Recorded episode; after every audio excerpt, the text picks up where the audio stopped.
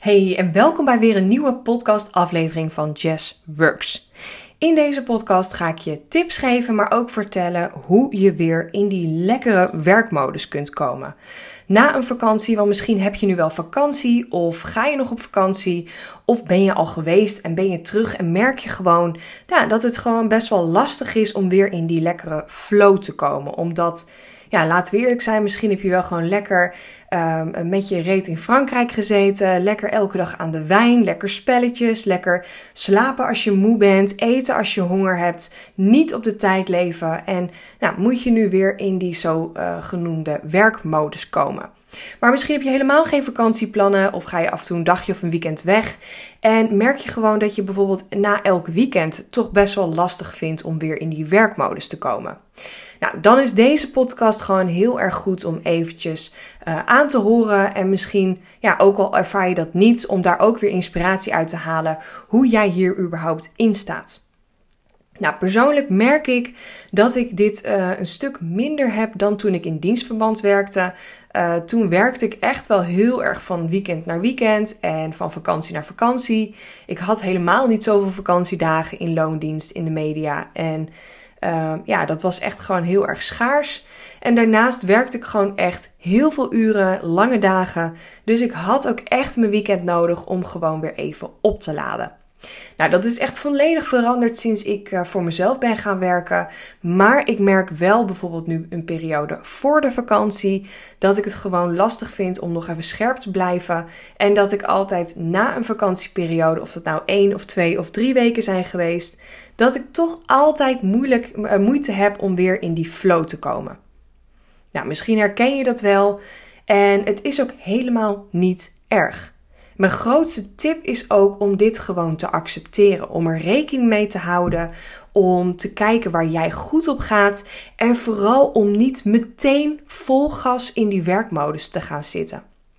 Wat ik bijvoorbeeld doe, ik ga nu, of ik ben nu op het moment dat jij deze podcast luistert, ben ik uh, drie weken uh, vrij. Heb, heb ik lekker vakantie. Ben ik met mijn vent in Frankrijk. Ik heb deze podcast ook voor mijn vakantie opgenomen.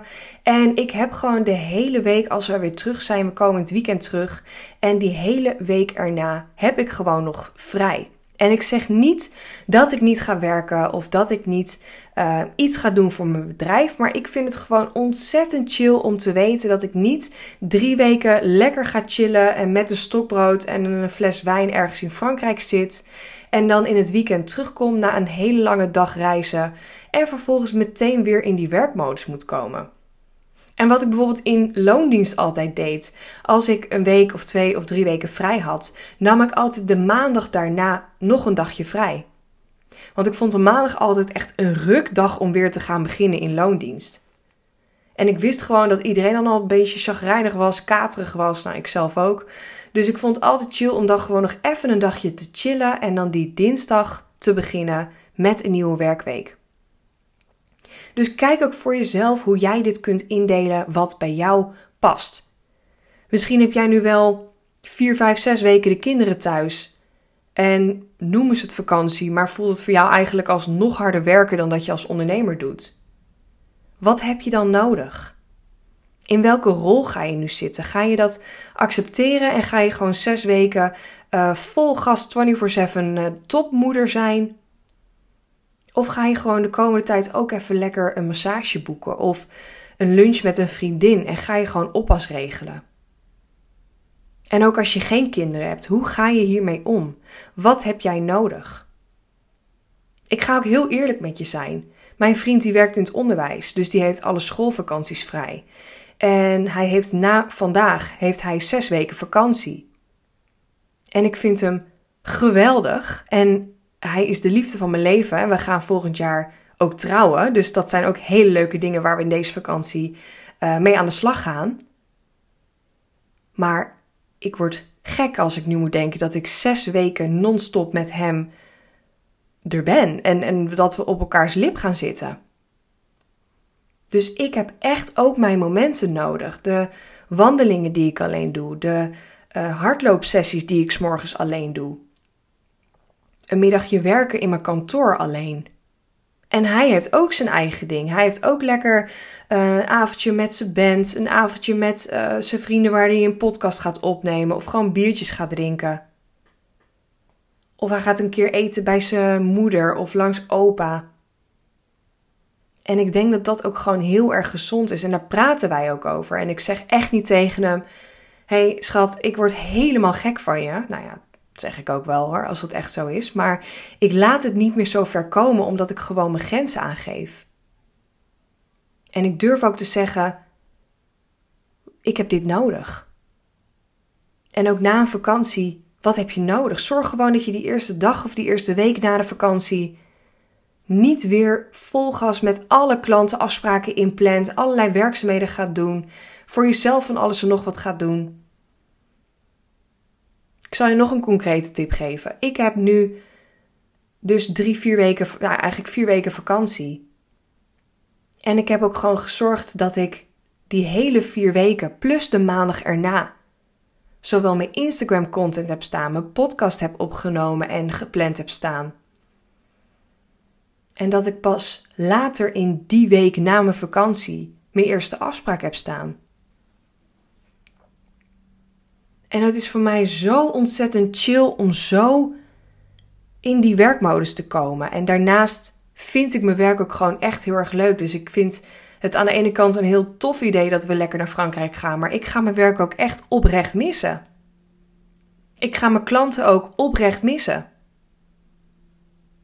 Maar ook dat is goed, want het is soms goed om een stapje terug te doen, om even ja, uit te zoomen van jouw bedrijf, een andere omgeving op te zoeken, andere dagindeling te hebben. En vanuit die energie weer terug te komen in jouw business. En als jij nu denkt, ja, ik ga mijn onderneming helemaal niet missen en ik ga mijn klanten nog minder missen dan mag je misschien wel even gaan nadenken waar de fuck je mee bezig bent. Waarom je doet wat je doet.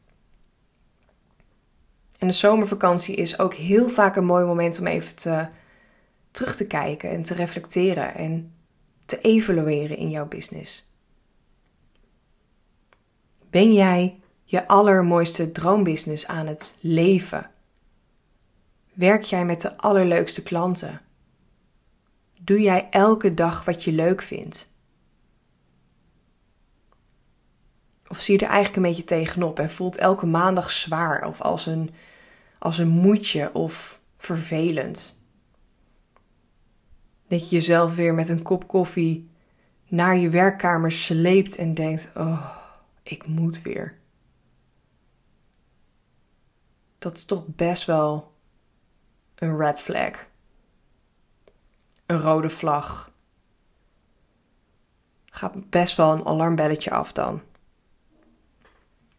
Dus wat mag jij gaan doen? Wat kan je nu alvast gaan doen? En ook de toekomst inkijkend, misschien neem je wel